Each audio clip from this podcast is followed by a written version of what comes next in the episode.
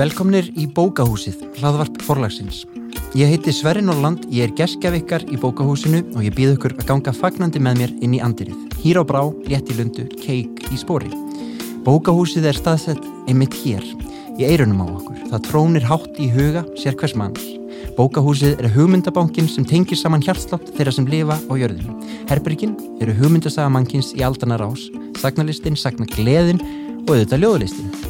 Það má hafa bókahúsið með sér hvert á land sem er, líkt og útilegutjald eða reglíf.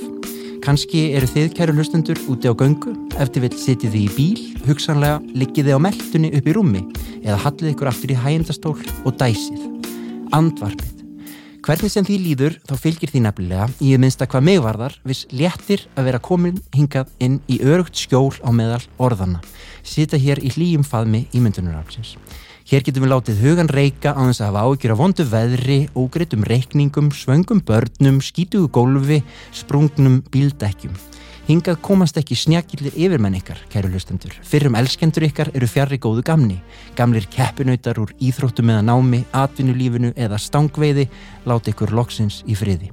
Hér eru þið frjáls. Mm, finni hvað það er gott. Bækur og lestur eru frelsi. Og hér í bókahúsinu er gott að hugsa.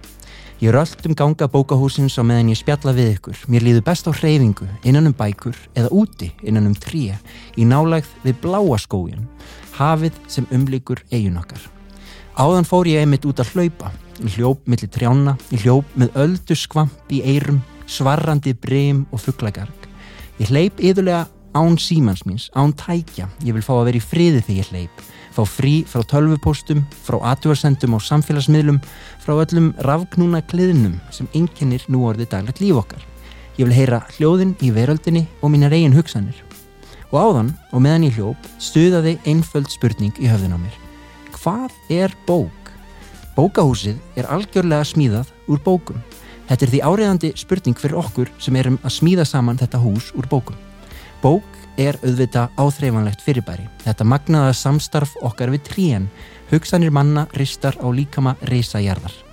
En í dag, árið 2021, er bók líka rafbók, teksti á skjá eða spjaltölfu og bók er hljóð, sögustund í eirunum á okkur á meðan við liggjum á ströndinni eða prjónum hósur á barnabörnin. Við erum aftur sest við varðeldin líkt og fyrir þúsundum ára þegar öldungarnir frættu hinn að yngri, laungu áður en Gutenberg fór á kreik og bók er Facebook, augað allsjóandi sem skrásitur hvert skref okkar í símunum. Við lifum flókna og margslungna tíma og bókin er ennþá allstæðar. En hvað er bók? Bók er texti, en bók er líka hlutur, skraut upp í hillu, blaðsíðunar eru vangir sem við notum til að hefja okkur yfir gráma hverstagsins og svífa. Og einhver þarf að klæða þessi fyrirbæri, bækurnar, í fallegan búning, kápur. Bókarkápur skipta raunar ákaflega miklu máli og það er mikil list að hanna þær svo að vel sé.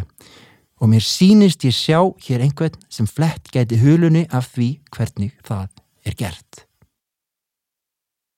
Hingaði kaffikrókin í bókahúsinu er komin til mín Emilia Erla Ragnarstóttir, bókahönnur hjá forlæginu.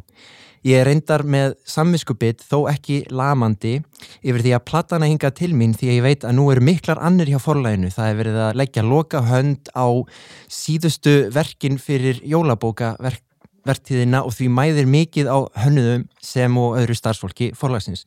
Velkomin hinga til mín, Emilia. Takk fyrir, gaman að koma. Já, gaman að fá þig. Þannig að þú sagði mér á þann að þú væri búin að vera hanna bækur í meir en tíu ár.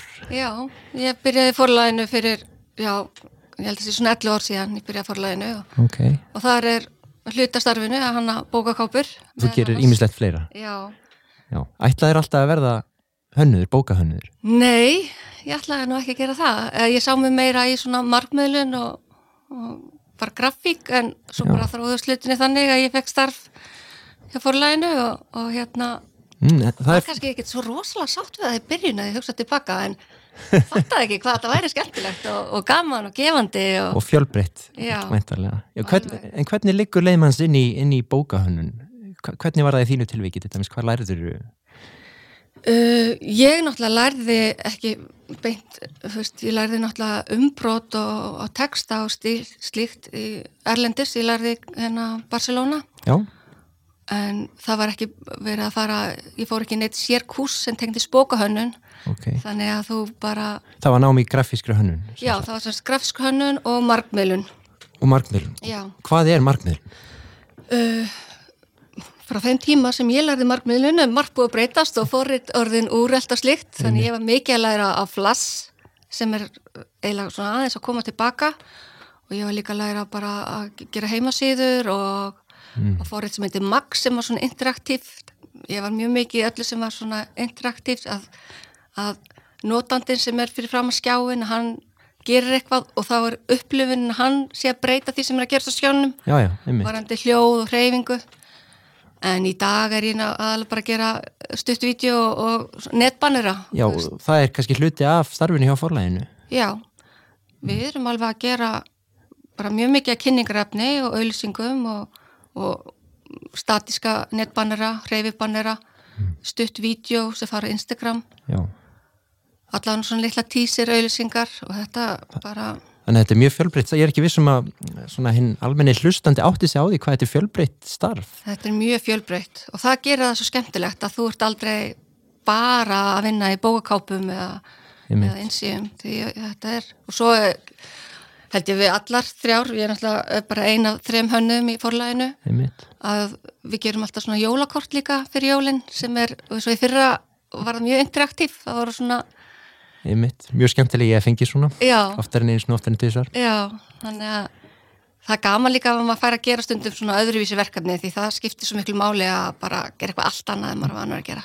En, en, en nú ímyndaði mér að maður er að hanna margar bókakápur til dæmis á ári. og þá hlýtur að vera svolítið snúið að, að, að fytja alltaf upp á nýjum hugmyndum, nýju útliti Hva, hvert sækir þér þá inblástur? Er það í aðra bókakápur eða jæfnvel í bíómyndir eða myndlist, náttúruna ferði í sund og tæmir hugan? Það er bara einmitt allt, skiljuru það, hérna, maður náttúrulega kíkir stundum á Pinterest og maður fer oft hugmyndir þar mm. og líka bara að grafík en aðalega þú veist, þegar maður fær verkefni að gera kápu, þá oftast er það reitstjórin sem við náum til, við lesum ekki alla bókina, þú veist, það Nei, það, það myndi ekki ganga. Það er bara það mikið að gera, við mm. náum því ekki. En þið svona kannski fá svona smjörþef af Já. stemningunni, tekstanum. Já, reittstjórin hérna, segir okkur um hvað bókin fjallar Já. og hver er kjarnin Já. og bara með árónun læri maður að spurja réttu spurningana líka, mm. þú veist, hvaða árstíma, mm. Uh, veist, reyna að finna kannski þrjú, fjögur element -hmm. sem eru svona hvað maður segja einkennandi í, einkennandi í bókinni að því þú getur ekki sagt allt og þú vilt hættur ekki segja allt þannig þú hérna, byrjar þar mm. og svo kannski byrjar að leita af einhverju, einhverju mynd út frá einhverju hlut eða mannesku mm -hmm. og þá kannski bara koma hugmyndinar Já. og svo skiptir líka miklu máli hver er markkópurinn fyrir hvað aldur mm. þú veist á þessu bók að vera meira grafíksk eða á bara er títillin það sterkur að þú vilji bara láta letur og letur típuna mm. njóta sín eða á þetta vera uh, ljósmyndakápa mm. þannig það eru þú veist, það eru vissa reglur það eru alla reglur sem á brjóta fyrst mér þú veist, það er ekki hægt að hérna, segja það er ekki eitthvað svona gullinst nið fyrir bókakápu og þú vilt kýtla forvitni, náttúrulega ekki segja á mikið nei, einmitt, maður má ekki segja á mikið það samt verður líka kápan að endurspegla kjarnan. Akkurat. Vist, ég var að gera eitthvað kápu um daginn og, og þá var hún eitthvað ósexy skiluru þannig að þá var, veist, þá er, myndum að vera ekki að vera að segja alveg rétta mm, við. þetta væri of, já, það var of kannski meir djús í staffin raunveruleiki væri. Okay. þannig að þá hérna Þa, já, það er ekki þar maður að fara tilbaka. Af því að þú ert að byggja væntingar í huga lesandans. Já, sem eru þá ekki raunverulegar. og þá, þá kemur hérna náttúrulega að hugsa allir maður er ekki að dæma bók eftir kápunni. En við gerum það náttúrulega, við draugum álíktanir mín vinna er það að þú sér bókakápuna í bókabúðinni, tekur hann upp og styrir henni við. Já. Þá er mín vinn búin í raun og veru. Mm -hmm. Svo er það káputekstinn mm -hmm. sem er unnum að rýðstjóra og höfundi og öðrum jafnvel. Já. Hann er loka salan að þú... Já, eða fyrsta línan í bókinni. Það er mikið kunst. Sko. Já, fyrsta, já. Fyrst, já, góða já. fyrstu málskrein. Já, já, já, já. já. Þetta, þetta, er, þetta tengist allt. Einmitt. Og líka bara hvernig líka varandi, eða hanna bók eða að vita er þetta álýmingur, er þetta kilja, er þetta innbundin bók, Einmitt.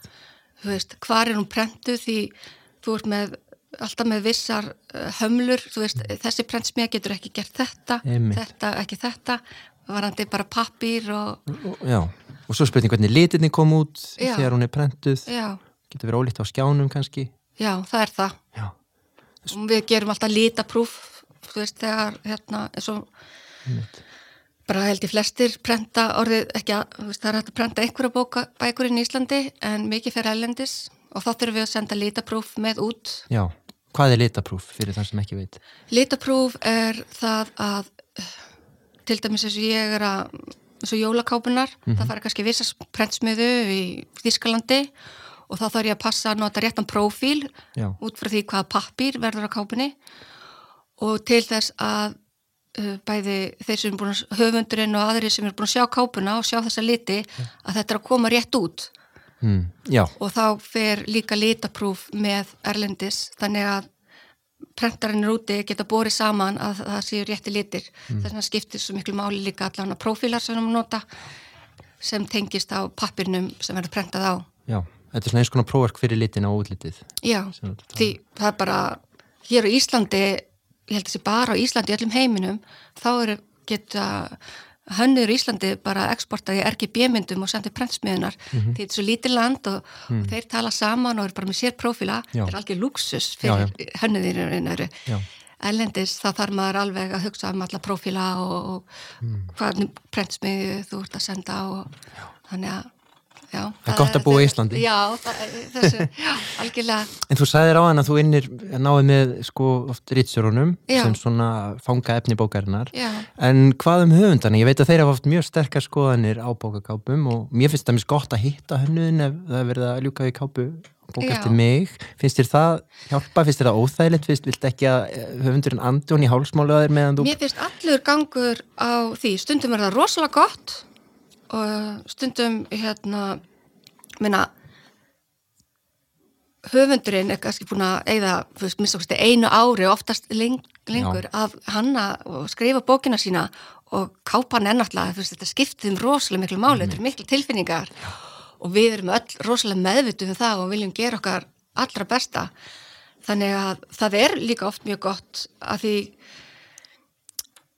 koma kannski ykkur að vissa tilfinningar sem maður nemur þegar maður talar við höfundin sem maður þá nær kannski að láta Einmitt. endurspegla í kápunni. En stundum er líka kannski höfundur og fókusar á okkur eitt hlut því hann er svo mikið inn í. Mhm. Einmitt. Það er, Og svo er náttúrulega höfundurinn, þetta er ekki hans sérsvið, ég veit þetta að eiginlega alltaf þegar ég brytt upp á hugmynd af kápu, Já. þá er það hún hræðileg. en þá vil ég alltaf að gera of mikið, það Já. bara einhvern veginn gengur ekki upp. Já, að það er alltaf að trista hönnuðinum líka. já, en það kannski líka ef þú ef, minna, ef höfundurinn er með viss, vissar hugmyndir þá um að gera, þá, að gera þær Já.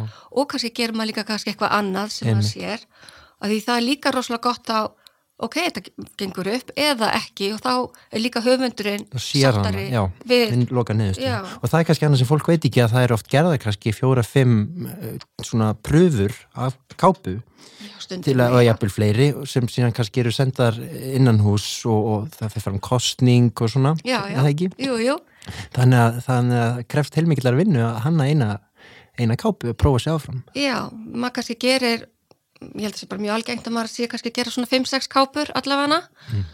og svo kannski tvær af þeim valdar til þess að vinna áfram og með vinnu þær áfram. Og svo fara þær í hérna í, í markasteildina og aðrir hérna, sem hafa skoðun að þessu. Og þá er kannski ein valin og hún fer kannski svo til höfundarsins. Já, og svo segir kannski höfundurinn Nei, nei, nei, þetta nei." ekki. Þá bara byrjum maður bara byrjun og stundum kemur það fyrir að maður bara, "Ah, ég er rúslega ánum þessa kápu en bara, Já, þetta er, þetta er háskalega starfsöngur. já en kannski flottasta kápan þarf ekki endilega að vera besta kápan hvað varðandi veist, markaðin Nei, að því þetta er ekki þótt mann vilji bara hanna fallar kápur þá, Hmm. þá uh, þarf maður að hu- hugsa um hver er markaðurinn Einmitt. innhald bókarinnar, hvað Já. hendar Einmitt. Áttu þér einhverju eftirlætis bókahönnuði eða kápur sem þú hugsa stundum til? það er náttúrulega til rosalega mikið flottum hönnum en ég er auðvitað svo flestir íslendingar Chip Kidd, hann er náttúrulega alveg frábær og Já. bara náttúrulega sko, mjög góð með sig og má það alveg mm. Hver er það fyrir gert, þá sem ekki, eh, ekki Hann til dæmis hérna hann hefur gert uh, Jurassic Park hérna Já. gerði bókakápuna fyrir Jurassic Park veist, sem var svo silhuettan Já, það er nú eitthvað sem flestir sjá fyrir sér í kollinu og hérna og svo náttúrulega kom kápan náttúrulega langt á undan bíómyndinni og ég held að hafa eitthvað svona þeir vildu kaupa myndina, hann myndi bara egna, egna sér hana. Mm. og hann selda myndina, svo var þessi mynd notuð, þú veist, Út um allt. Út um allt skilur en hann er en ég held að hann Ísland er náttúrulega svo lítið land Mhm. að hann getur egna sér eitthvað vissan stíl og unnið með hann og gert það og margar bækur. Já, við hér getum ekki verið með einmitt, það reynir á fjölhæfni og einmitt að það er einmitt einn hérna John Gray heitir hann sem líka bókakápa hönnur Já. hann vinnur rosalega mikið bara með fonta. Og hann gerir það svo vel veist, hann lætur fontin þú veist, fonturinn er að gráta eða, eða er eldur eða mikill vindur í honum. Mm. en þú sérð hans stíl og Já, veist, við getum ekki verið að gefa endalus kápur bara með, sem litigerðin grætur eða hlær. Já, veist en, en þau gerir það svo vel já, Já, einmitt, þannig að þá berðu kennsla á hönnuðin bara um leið og sér bókina. Já, og þeir geta verið náttúrulega, Einmitt. veist, þessi stóri heim, eða þeir búa í uh, margra miljón einmitt. En okkur Íslendingum, við- okkur líður eins og við búum í margra miljón. Eða hvað, kannski ekki.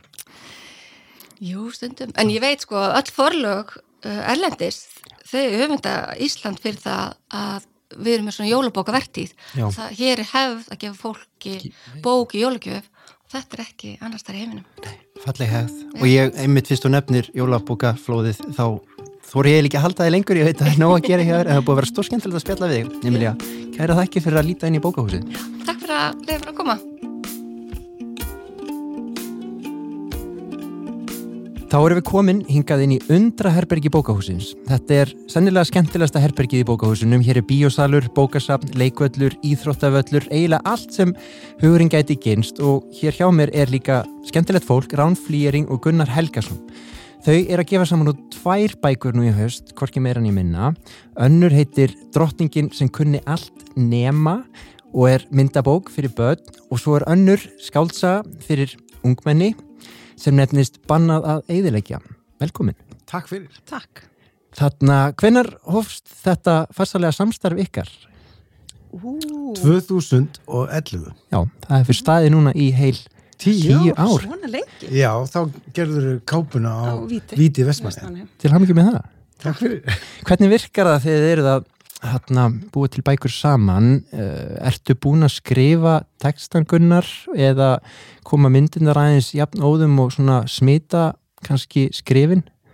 Uh, sko, þegar það eru textabækur, Já, þá skrifa ég bara skrifa, skrifa, skrifa Mm. og svo bara byrja um að fá myndir eins mikið og, og forlega hefur efna á. er- Og þetta er í fyrsta sinn sem, eh, sko, með, ekki með drottninguna heldur með bannaði eðilega, sem að ég fæ myndir frá rán inn í bækurnar. já, En síðustu tvö ár hefur ég fengið myndir frá Lindu Ólafsdóttur. Barnareiningan og Draumaþjóin. já. Þeim færa myndskriði? Já, en þessi hérna, drottningin sem kunni allt nema, hún var miklu meira samstarf. Já.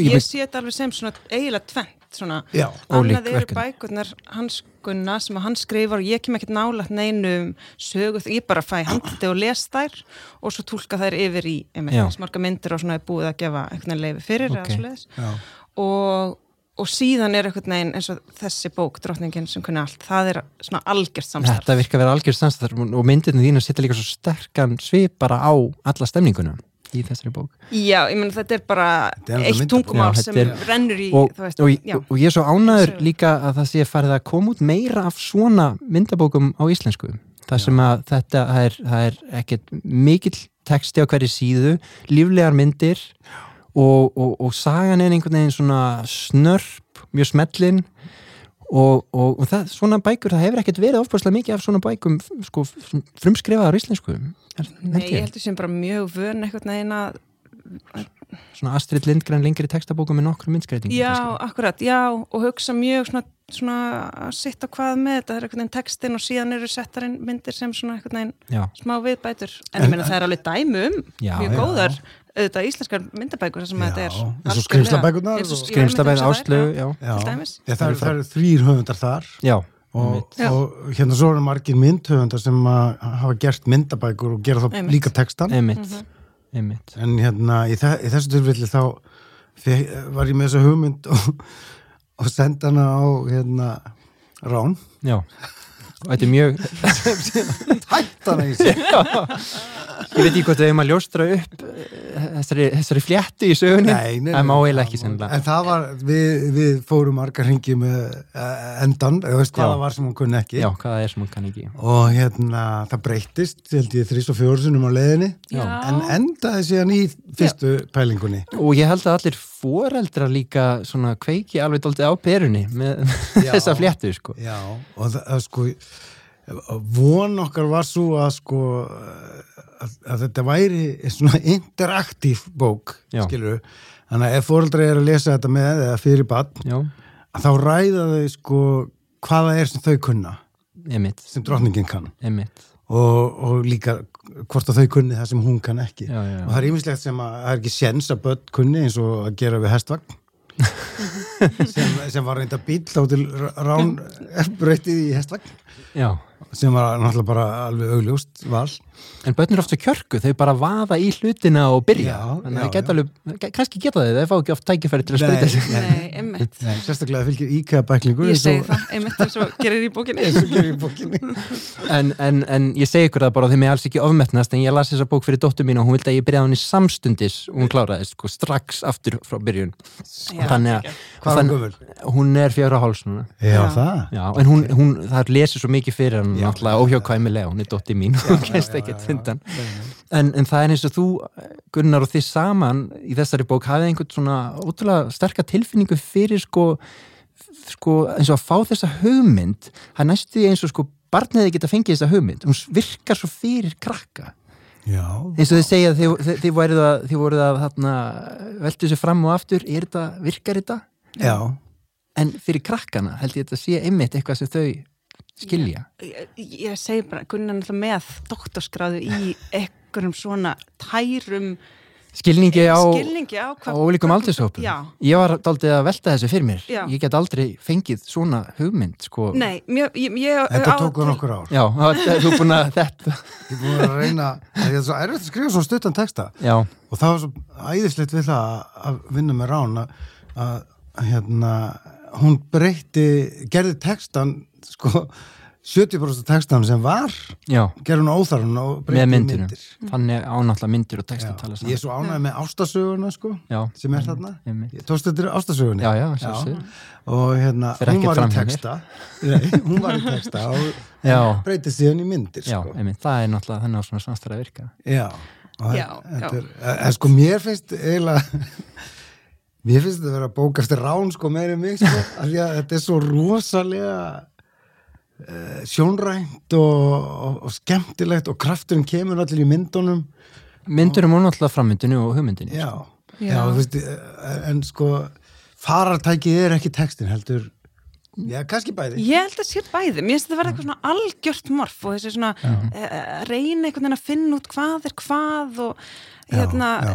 er einhvern veginn verðið svo óþarfi þegar þetta er einhvern veginn og mér finnst einmitt þessi tæra hugmynd sem ég var pínu hrætt við. Já, ég var eitthvað svona pínu svona að hún er í þessum þessum kima barnahúmors. Það var ég svona pínu Þessum feimin kima. við hana. Við vorum það og já, við vorum það bæði einhvern veginn en, en svo Þetta er bara hluti að dælu í lífi fólk, sko. Þetta Já, er já. Vegna getur maður hlegið. og Já, já. ferðalagi þangað og allt saman, ég lærði alveg helling á þessu. Nú, en En svo er það líka hinbókin, hérna bannað eðilegja, Mm.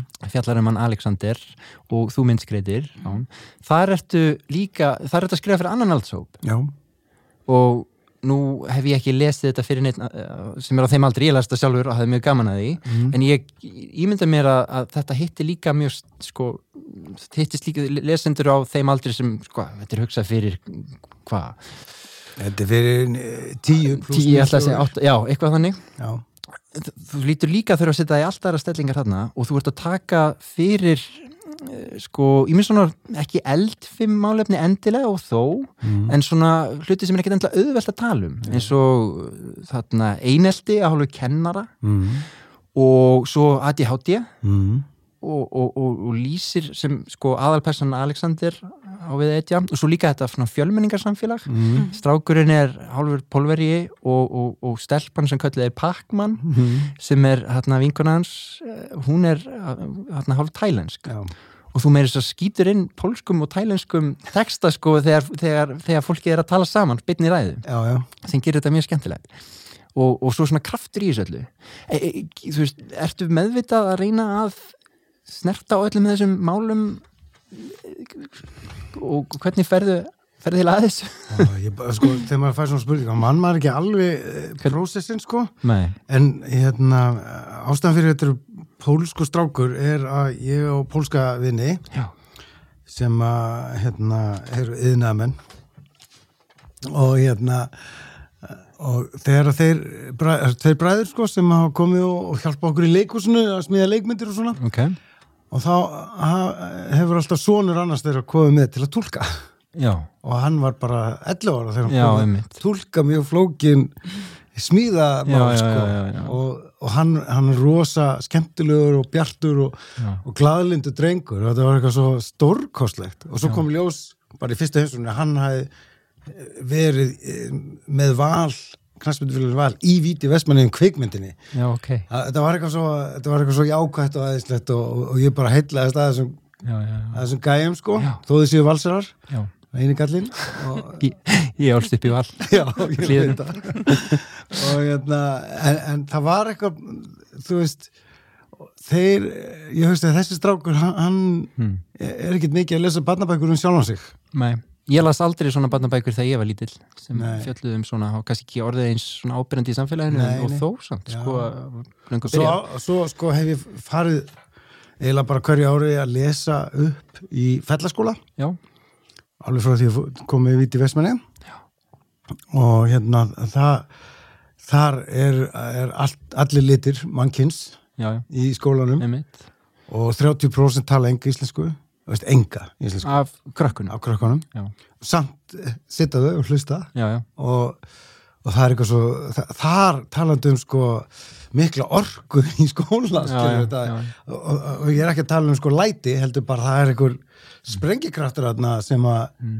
e, maður sér hvergi annars staðar. Nei. þetta er rosalegt að koma þarna. Og þetta er svo æðislegt. Já, og svo sér maður sko að því ég fylgist nú vel með fótbolta og þá er þessi strákar að koma upp í gegnum leikni mhm, og maður er að sjá alls konar nöfn frá alls konar löndum spila fyrir leikni og mér finnst þetta svo dásamlegt. Og ég vona að sama sé að gerist í stelpuboltanum hjá leikni. Já, ekki alveg fylgst nógu vel með þar en næsta bók? Eða næsta bók, já, það er mun gerist í næsta bók. Ok, það er lofa, því lofa í, í ok, hér með lokin, nei, í lokin á Já. annað eðalega Já, já, já. já. Já, reyndar, já, þá lofar Alexander að mæta og leiki með Já. Pac-Man sko. Þannig að, en, en ADHD kom, já, mér langaði að skrifa um það. Og hérna aðalega kannski eh, ég fór að hugsa um þetta eftir að frændi minn eh, var greindur þegar hann var 54 ára sko. Já, og hérna, og mér finnst þetta bara mjög áhugavert og svo er náttúrulega aukin umræð um þetta. Mhm, Þannig, að- en ég, ég, ég drekki í nær umhverfinu mínu þannig ég þurfti að að tala við fjöld af manns um þetta. Já, og þau gáðu mér þessa sögur þar sem að er hreinlega ennþá verið að beita krakka ofbeldi í skólum. Já, þú lýsir það nefnilega þarna sena í sögunni það sem hann Alexander sem er með ADHD en er líka rosalega fær fótboltastrákur en er líka með einhver svona hálfgerða náðagáð á sviði starffræði. Já, og hann hefur svo lítið fyrir því að hann reiknar eiginlega allt í huganum hann á einhverju prófi og skilar því bara án útreikninga. Þetta er svo létt, gjör svo vel kennari og ætlar að fara en kennarinn trúir honum ekki og eiginlega svo verður einhver atbyrður og svo hann svona hálf trompast og, og, og ég þeir trompast eiginlega báður já en, en kennarinn heldur honum hann niður í stráknum? Já, já, næstu búin að drepa hann. Hann ég, er ekki meint að lemja hann, hann heldur hann niðri Já, og þetta er bara byggt á raunverulegum og ég ætlaði ekki að trúa þessu ég ætlaði að segja, ég ætlaði nú að spyrja hann Gunnar út í þetta, þetta gerist nú ekki. En svo í segiru það í lokin að þetta sé byggt á sönnum atbyrðum Já, það í það svakalegt. Í skóla Já. í Reykjavík. Finnst það alveg Já, líðilegt þetta er svakaleg saga. Þannig að þú ert að skrifa um svona hluti sem hafa rosalega snertingu við bara það sem er að gerast. Já, það er skemmtilegt. það er svo gaman. Já. það er svo ótrúlega gaman. Og veist, þú vilt gera það. Já, að, að það er eitthvað sko ég hef alltaf verið svona sökkar fyrir sko eh, veist, ég byrjaði í leikhúsinu og alltaf hefur mér þótt skemmtilegast að sjá leikrit sem er skriðu af Íslandingum sem gerast á Íslandi, Íslandi og, og eru fyrir okkur Já. tala beint til okkar. Og, og, og rauninni sko fyrsta upplifun af þessu var því ég las Jón og Jón Bjarnar sem einmitt. var um tvíbura já, sem byggur blokk. Já, og hann þú veist, hann leppir auga. Einmitt, það var ég, þannig að ég og Jón Hottur og. Mm. þetta var bara ég var rétt um aldri, ég held að sko lengi vel að mamma þekkti Guðrún Helgadóttur, hún hefði fengið allar sögur frá okkur sko og, og þetta, þetta að sko að lesa svona um sjálfan sig að, að, að því að maður heldur eða upplifir það er það er ólýsanlega upplifun sérstaklega tala um með orð barn Mhm. að, að sko eh, svo leiðild að nota þetta orð en það er valdeflandi Mhm. og þú, og þú einhvern veginn þitt líf verður allt í einu merkilegra og þú gengur hnarreistari um í nokkar daga og skilur sjálf það kannski jafnvel og, betur. og það líka sko. Ég hugsa stundum um það þegar maður var krakki og var að borða morgumat og var svona að lesa utan á eitthvað morgukastpakka Já. og það var oft svona keppnir Já. eða svona að senda inn Já. einhverja búta af pakkanum og þá getur maður unnið eitthvað nema þetta var allt fyrir krakki í Ameríku og maður uppliði svona einhvern veginn algjörlega svona fyrir utan og þetta Já. er alveg öfugt tilfinning við akkurat það sem þú lýsir. Já.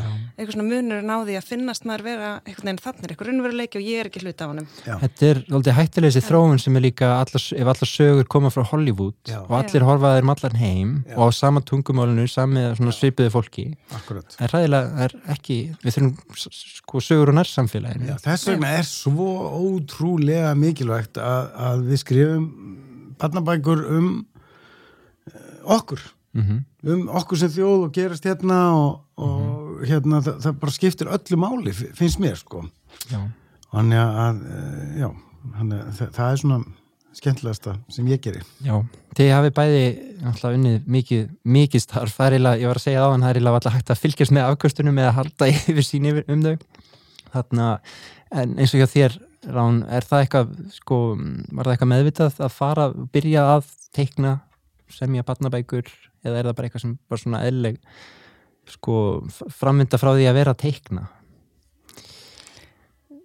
Já mm, sko, í, það var vist eitthvað svona moment í Já. minni æsku þegar ég var að lesa hérna Ronny Venget eftir í 400. skipti þegar það var svona eitthvað, aha, það er einhver sem vinnur við það að teikna þessar myndir mm, og svo bara lokaði bókinu, það, það getur ekki verið ég. Það er eitthvað sem gerist einmitt í útlöndum hjá þessum sem fá að skilin svona morgun keppnum Þú er aldrei lesið sögum um neitt sem en nei, gerði það. Nei, einmitt. En nei, ég held að það hafi bara verið eitthvað svona fram, já, eitthvað svona náttúrulega framvinda af því að vera að teikna og sko ekki bara teikna alltaf teikna, heldur teikna sem eitthvað svona faratæki fyrir sögur. Mm, Já, einmitt, einmitt. Ég er alltaf áttum mig bara betur og betur að því náttúrulega eftir að maður er eitthvað spött sjálfur en líka bara barnabókmyndir, þar hefst þetta allt. Þar verða til nýju lesendur. Þar er svo mikil hugmyndagliði nákvæmlega. Já, þannig að já, heyrðu, ég bara að vona að sem allar flestir lesi nýju bækurnar drottningin sem kunni allt nema og banna eða leikja og takk fyrir að koma og spjallaði mig inn í bókahúsinu. Þið með skoða, aðeins, skoða ykkur aðeins um í æventyrastofinni og Takk. þið megi snerta leikvingin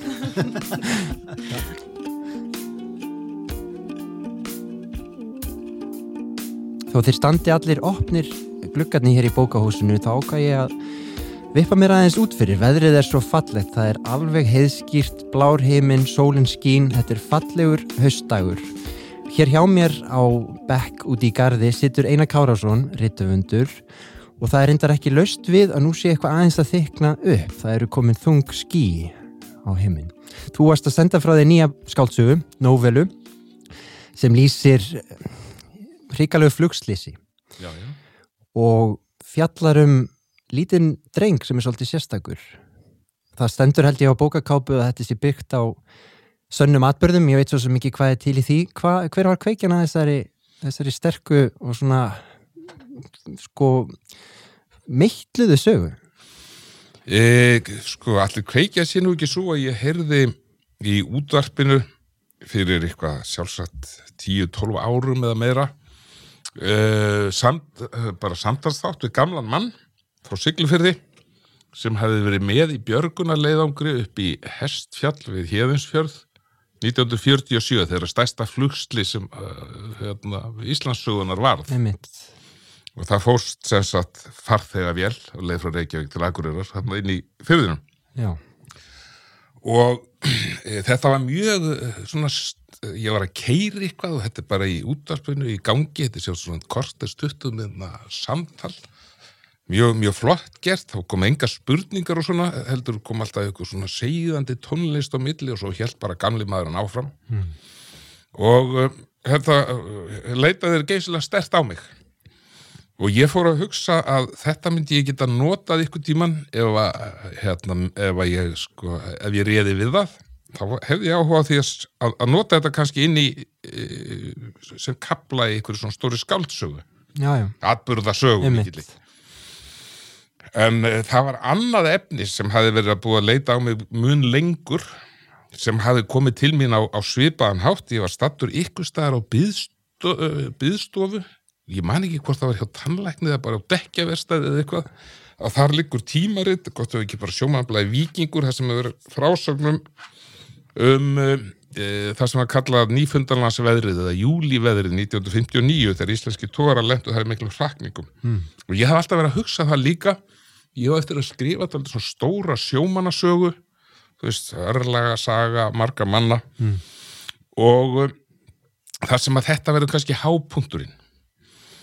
En ykkur neginn fekk ég þetta aldrei til þess að, að, að ganga almeinlega upp í hausnum mér með hvorugt efnið.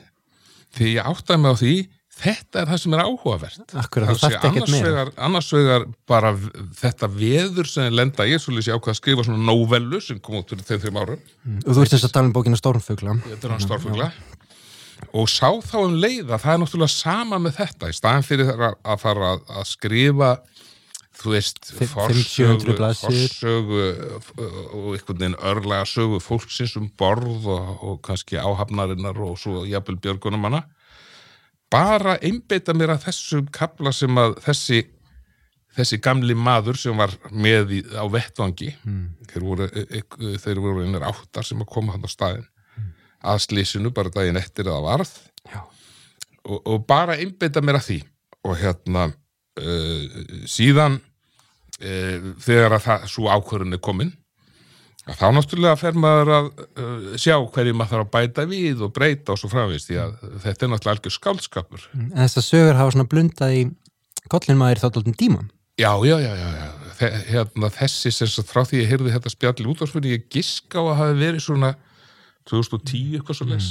það er kannski þessna sem útkoma verður líka svona meitluð þegar þú sest niður og skrifar þetta að hugsa um Sko, lengi það, það gæti verið því ég er búin að hugsa rosalega mikið um þetta og, og þetta var oft farið gegnum hausin á mér sko. Og, og sem sagt ég ákvað að, að hérna að eh, einbeita mér að þessum björguna leiðangri, menn eru allt í hennu kallaður út. Mm -hmm. plugslýst náttúrulega verður bara eins og rétt eins og ofviðri sem brestur á. Já. og þeir eru bóðaðir hérna út bara einhverjir eh, bændur og útnessjamenn uh, fyrir norðan og uh, þeir hafa kannski komið á þessar slóðir þegar þeir hafa verið að leita, í eftirleitum eftir söðfí og haustin eitthvað svo les en allt í þeir eru komnir á stað þar sem að liggja 30 dánir meðbræður. Og þú lýsir því á mjög sláandi og áhrifaríkan hátt en það sem kannski gerir þess að sögu svona sérstæka og, og lyftir henni svona yfir það að vera sko bara lýsing á einhverjum ræðilegum atbyrði er aðal person, þessi strákur sem Já. er sennilega þó að það kom aldrei skýrt fram eh, þjáist einhvers konar einhverfu? Jú, jú, það var eh, hérna, eh, ég hef af einsum ástæðum haft mikinn áhuga á, á því fyrirbæri. Mhm. þetta er nú svona eh, maður kannast við þetta með sig úr sinni nánustu fjölskyldu. Já, alltaf gerir það nú ekki flestir. Jú, ætla að gera ekki flestir og, og hérna og um í haust sko það er, það er eitthvað eh, þetta er náttúrulega mjög erfitt í aðra röndina en það er líka eitthvað hillandi við þessa svona Asperger karaktera sko eða einhverfu. Oft einhver svona náðar gáa eða einbyttingar geta. Mjög gjarnan og hérna sem að sko ég fór að hugsa út í það að, og ég læt móður að segja á einu stað þar sem hefur verið að spyrja um drengin að hún halda hann sé kannski skign Mhm. Og ég, hérna, það hefur oft kvarlað að mér eftir, þetta konu eiginlega bara sko ásjálfrátt þar sem ég var að búa til þetta samtal. Já, ég oft verið að hugsa það setna að, að þetta fólk sem er talið vera í gegnum tíðina, talið vera þú veist, að hafa skegnigáu það, er mjög, það er ekkit ótrúlegt að oft á tíðum hafi það verið eitthvað svona Asperger. Veist, þetta fólk er öðruvísi og það sér hlutin á annan hátt Já. og upplifir sko. Svo leiðis að, að mér fannst það í, í, hérna, það var náttúrulega ekki auðvelt sko en ég hugsaði með mér að, að hérna, til þess að fá í rétta fókusin á þessum miklu atburði þá uh, ef mér tækist að, að láta þetta koma einhvern veginn fram í gegnum svona skinjun Mm.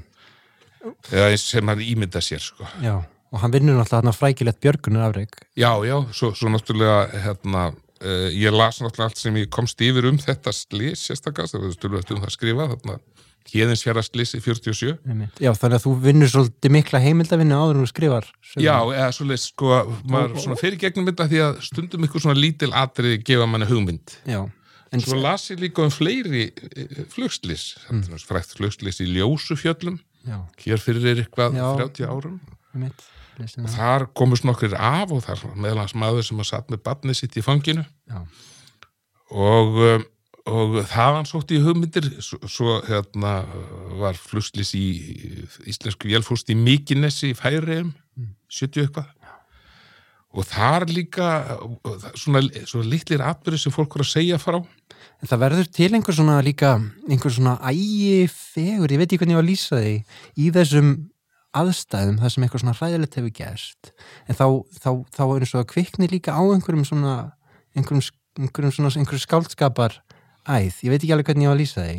Já, já, sko ég, ég, hérna, það er náttúrulega það sem að stefnir að að gerist, sko Já, en þá er ég líka bara kannski að meina bara einhver ein reyfing eða það að einhver sé á lífi og gera eitthvað Jú, innan um öll líkin. Já, já, Og það, það, það verður einhvern veginn svo fallegt og magnað. Já, já, það er hérna, það er það sem maður er að leita eftir, sko veist, það er náttúrulega til mikið það, eins og það sem maður er að lesa um þetta eru rauninni, sko, skýslur eða blaða frásagnir eða eitthvað svo leis Já.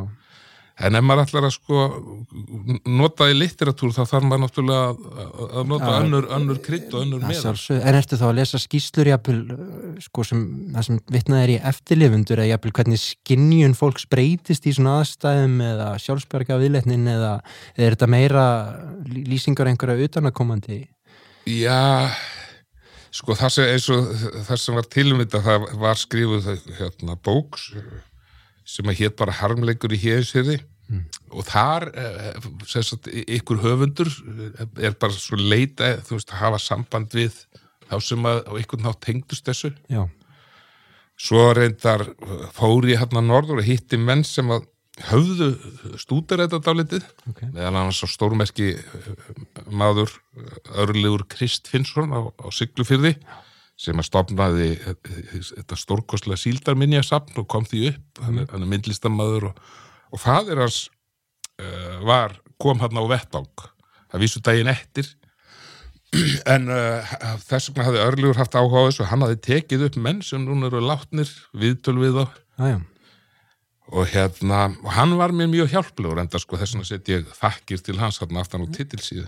Og, og, og líka, en þessar lýsingar, fyrsta leiðir og lýsur drengnum að mikill nefni fannst mér, en, en líka lýsingarnar á björgunarstarfi þessara manna sem eru bara venjulegir menn. Jú, jú, það er þarna eitt sem er algjör harðjagsl en hann er alveg að, brotna saman við að þeir eru að halda á líkunum hann niður og, jú, og, og það hefur nú alltaf verið mjög auðvelt að skrifa sig í gegnum þessa sögu? Nei, nei, þetta var hérna, þetta tók svolítið á og, og hérna og uh, sko það er svolítið merkilegt að þegar ég skrifaði hérna stormfugla Já. sem er nákvæmlega, þú veist, í sama formi og nákvæmlega jafn löng. Upp á, upp á orð Já, já, liggur við. við, sko, liggur við. Já. Ég reyndar raug því einhvern tímann í, í, í, hérna, í spjalli að ég hefði flett upp hvað gamli maður hún hafi væri mörg orð og ákvað að hafa nákvæða eins. Þetta var svona, til, þetta seldi ég einhverjum útlendingum sem ah. En hérna, en, en e, e, sem er náttúrulega ekki rétt, sko, maður er ekki eldast í svoleiðis. Nei, nei, en það er alltaf að prata Já, já, já, já. En, en ég, sko, ég var komið með hana svo rosalega klárt í hausinn að ég skrifaði hann á einu mánuði hérna eða bara, þess að ég var náttúrulega búin að vera undirbúið þetta í marga mánuði, svo settist ég niður 1. janúar 2018 Og og bara. kláraði hana 31. Já, að En þessi hins vegar ég byrjaði á henni í fyrra haust og var allan veturinn Já, og alltaf með ykkur svona daldið, þú veist, ég sá hérna vantar eitthvað, þetta þarf ég að gera betur og svo framvegis. En þetta er nú bara gömulsáin í. En svo líka frásagnar aðferðin, þú flétti, þú breytir stundum, sko, já, það er einhver sögumannsrödd en svo vitnaði í þarna einhver, einhver aðra texta. Er það líka eitthvað sem bara, það er kannski sprettur af heimildalesturinnum. Já, ég, hérna... að- að- Það virkaði mjög vel, en það, það er svolítið svona, þykir smá áhættu, fannst mér. Já, ég náttúrulega, sko, þetta maður, þannig séð, þá uh, er þetta bara svona tæknileg úrvinnsla einhverju leiti þegar ég ákveð sko að láta strákin vera mjög upptekin af öllu flugi. Og sem það eru Einmitt. flugvilar og svo framvegis. Einmitt. sem er svona partur af þessu sko að, að, að hérna og uh, sem að reyndar uh, ég átti mjög erfitt auðvelt með að setja minni vegna þess að sem krakki var ég rosalega upptekin af bæði fugglum og, og flugvilum Ok, og hérna alveg frá því að ég hérna, sem smábat flög með flugbátnum Katalínu til ömmu og afavestur á fjörður ok. og hérna, mér fannst þetta, þetta sko, ég mani þetta ennþá, ég var sko þryggja fjör ára eitthvað svo leið, svo stóð ég hérna nýri fjöru þegar Katalínu var að lenda meðan ég var þarna og Já. sá hann svo fara á loft aftur Þetta er náttúrulega magnað að geta flóið. Já, það bara, já, svo, svo, því. svo held maður áfram, svo ég með svona Douglas eins og ég lýsi hérna, DC-3 Já. Dakota á Ísæfjara flugvell og búið að leggja hann Já. og þetta tók klukkutíma flugið og svo þegar ég svona tíu ára þá kom fokkerinn Já, sem var skrúið þótt að fór hraðar já, já. og mér fannst það algjört svindl ég var ekki nema 40 mínútur sko, það búið að stela manni 20 mínútum á flugi en allavega ég hérna svo lesa sko ég myndi það að ég las allt sem að ég komst yfir sem að tengdist hérna flugi og flugmennsku og ef það eru ykkur bækur um sem tengdust því þá las ég þetta sem krakki Þannig að þetta efni lág vel við höggi. og eins sko fugglar, ég var rosalega upptekið af því ég held að hún hjálpa til að ég var svo mikil aðdáðandi ævintýra bókan eftir Evið Blæton Já, og. Jonni þar er fugglafræðingur. Við skilst að megi ekki lesa það lengur.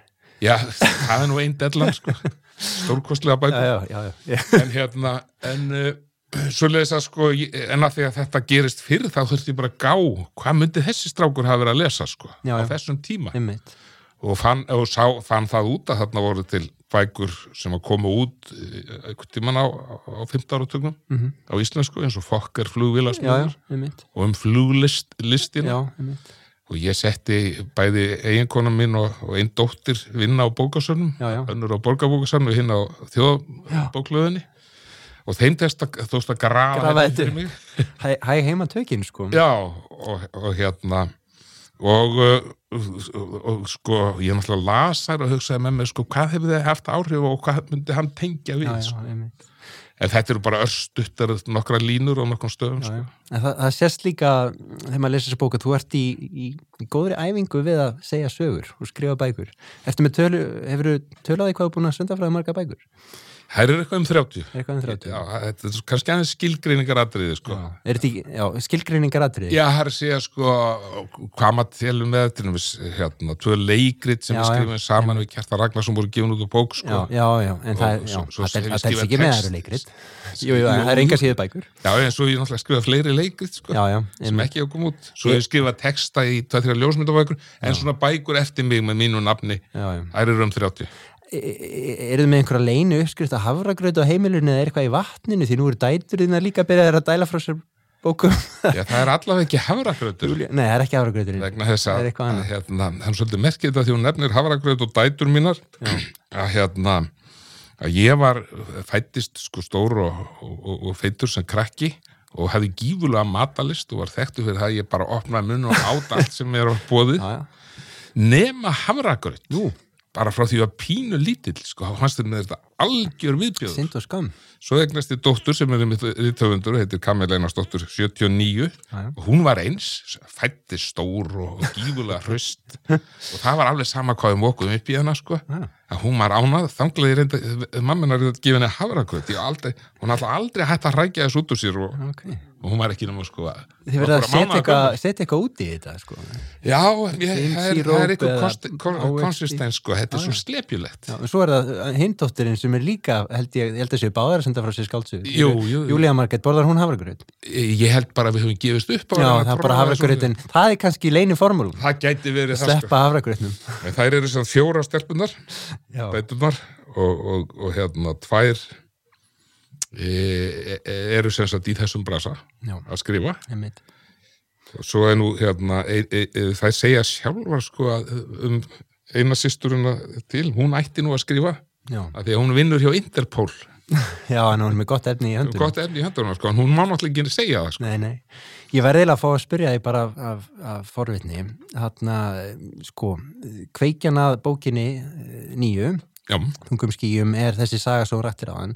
En kannski svona, mm, drifkrafturinn í henni er fyrst mér þessi persóna og alltaf mannlýsingarna hjá þér og svona þú flinkur að draga upp persónur og þú gafst upp, var það ekki á þessu ári aðra bók sem heitir Málsvörn, þar sem þú lýsir honum Jóni Áskeri einmitt. og sérstaklega skemmtilega í byrjun þegar hann er ungur og er svona að uppgöta sína hæfileika og verður til svona mikil karakter hjá þér á síðunum.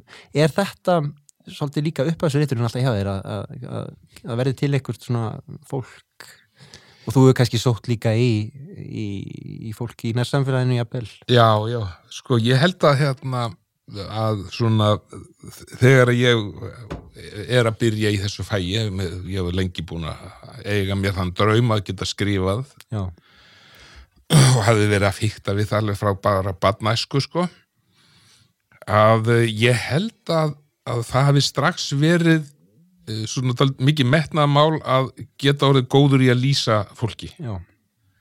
Og hérna þannig að þú er alltaf tekið vel eftir. Já, og, já, já, og, og, og, svona bækurna sem ég held mest upp á, sko, já, að uh, ég var mikið að hugsa, þú veist, snilli manna í að, í að hérna, búa til ólíkar manngerðir. já, Mann til dæmis bara þegar ég var, ég las uh, hérna, sjálfstætt fólk eftir, eftir Lagsnes og það, eru tvær þrjá senur þar sem þeir sitja svona ringbændunir í sveitinni og er að tala saman. Já og hann næri að halda þeim. öllum til haga Já, og þú veist, hver er með sínu, já, er sínum karakter? Ég hugsaði sko, þetta, þetta er náttúrulega þetta væri gaman að kunna. Já, eða góði dátinn þegar maður las hana sko, þessar ólíku típur þar, Þeir sem að gengust upp í hernum átvaglið og, og fyllibittan og svo. og, að- og titilpersonar náttúrulega. Jú, jú, jú, allir, Svo leys að, já, já, ég man sko bækur þessar hérna Tortilla Flatt eftir Steinbeck. Já, það sem eru svona stöldur svona hóbóar já, þannig að þú er alltaf hrifist að þeim sem geta svona Já. fangað fólki svo leys að hérna uh, og ég hann að ég þurfti og ég þurfti að rekast á veggi með þetta sko já. og lært af því en ég held að fólk lesi til þess að kynnast fólki og, já, ég held að það sé en það, Nei. það eru margir sem sko ekki kannski er að leggja svona höfuð áherslu á, að draga upp ólíkar personur Nei, nei. Og, er eru náttúrulega mikið margir snildar höfundar já, já sem kannski einbytta sér meira að, að, að, að, að tilfinningu og stemmingu og já. svona og svo er aðeins sem skrifa það sem að personar verða svona ofurseldar plottinu og, og, og Já, já. verði ekki neitt neitt. Einmitt.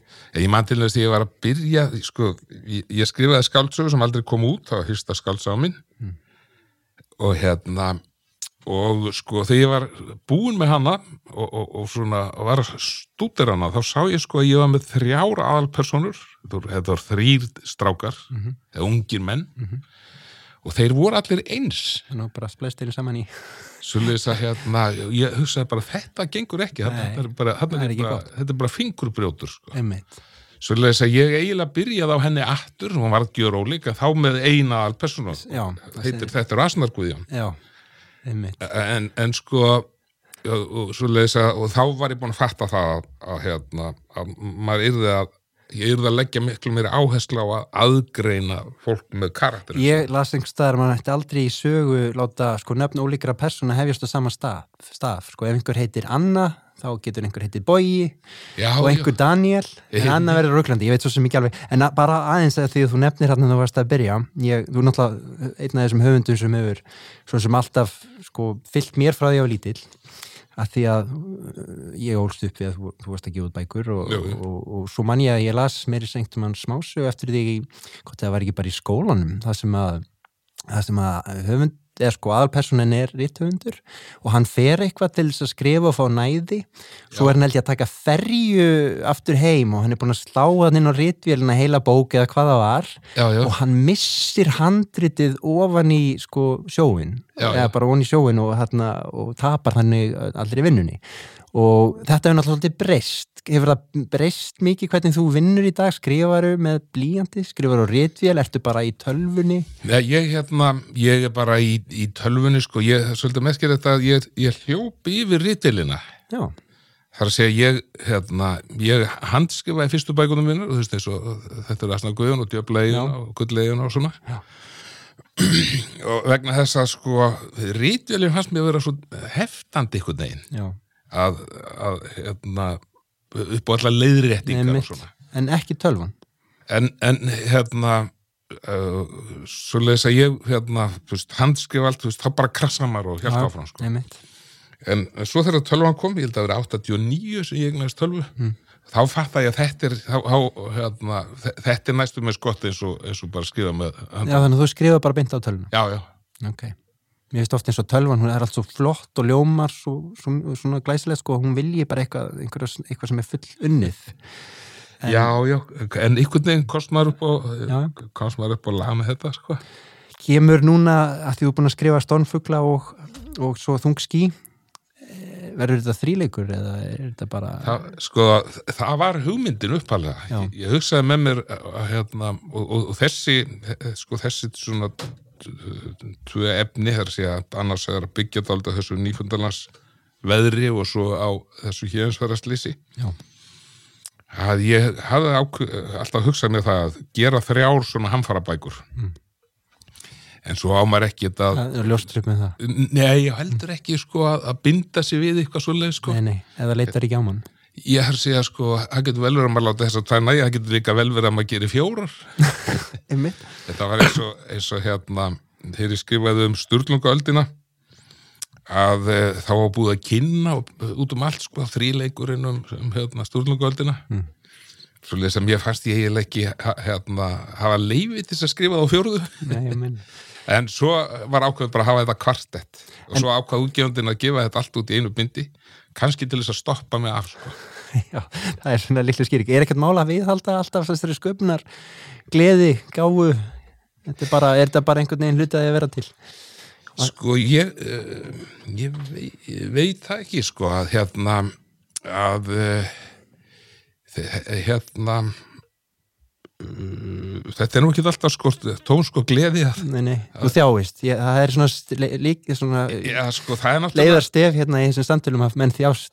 já sko það er náttúrulega ógaman að vera að eitthvað og hugsa þetta er bara ekki nógu gott sko þetta er þú veist hér vantar eitthvað mikið upp á og ég veð sko ég fæ ekki eitthvað briljant hugmynd sko þá þá mun ég ekki geta klára þetta og, og s- svo koma svona dagar og manni finnst allt vera hálf ómögulegt og svona sko en, en hérna kannski eh, það, eina, eina sem er eh, svona reynslan hjálpa með hann í þessu er að maður er svona búin að fatta hér sko, þó manni finnst þetta ómögulegt núna þá getur vel verið að ég fá eitthvað góða hugmyndu þetta, Já, ég, ég ná utan um Kannski líður betur með þetta daginn eftir. já, já, já, já. Ég held að fólki finnst gott að heyra þetta. Að þér, Já, þér líður stundum ítla að þetta sé ekki bara.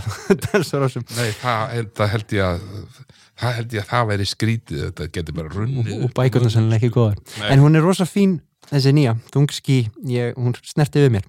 Takk fyrir að koma og spjallaði með henni í bókahúsinu og njóttu góða veðursins áður en óveður, óveðrið brestur á. Hér er kæra þakki fyrir mig Þá neyðumst við víst til að stíga út úr bókahúsinu að sinni kæru gestir og aðkomi fólk og halda á nýjan leik á vit veruleikans. En vonandi þrungin orku og hugmyndum. Gestir mínir í bókahúsinu voru að þessu sinni þau Emilia Erla Ragnarsdóttir, bókahönnuður hjá forlæginu, Rán Flýjering, teikninari og rittöfundur og Gunnar Helgason, rittöfundur og leikari, en þau voru að senda frá sér tvær bækur, Bannaða eiðilegja og Drottningin sem kunni allt nema. Loks settist Einar Kárasson með mér út í garð og rætti við mig um nýjustu skáltsögu sína hina áhrifamiklu Þung Skí. Tónlistina á göngum bókahúsins sömdu hinnir tónelsku fríðleiksmenn sem mynda tvíeikið Urmull og Kraðak. Þeir Ragnar Jón Ragnarsson, einnig þettur sem Humi og Helgi Egilson. Upptökum stýrði reynslupunktið Egil Viðarsson af Festu og Femi. Upptökur fóru fram í stúdíó Harmi. Sjálfur heiti ég Sverrir Norland og er leiðsögumæður ykkar og gestgjafi hér um hinn ótæljandi herbergi bókahúsins. Ég laka til að vera með ykkur á nýjanleik í næstu viku. Þanga til, farið vel með ykkur, farið vel með fólkið í líf ykkar og lesið bækur. Verðið sæl.